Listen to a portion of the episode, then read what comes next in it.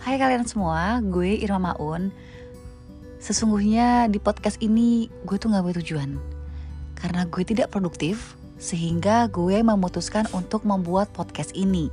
Jadi kalau ketika kalian denger podcast ini agak gak nyambung Cuman ngalor ngidul ya mohon maaf. Karena memang tujuannya adalah supaya gue produktif aja. Tapi gue big thanks banget Love you banget sama kalian yang setia dengerin podcast gue. Jangan pernah bosen Dan ya udah gitu aja. Thank you. Mwah.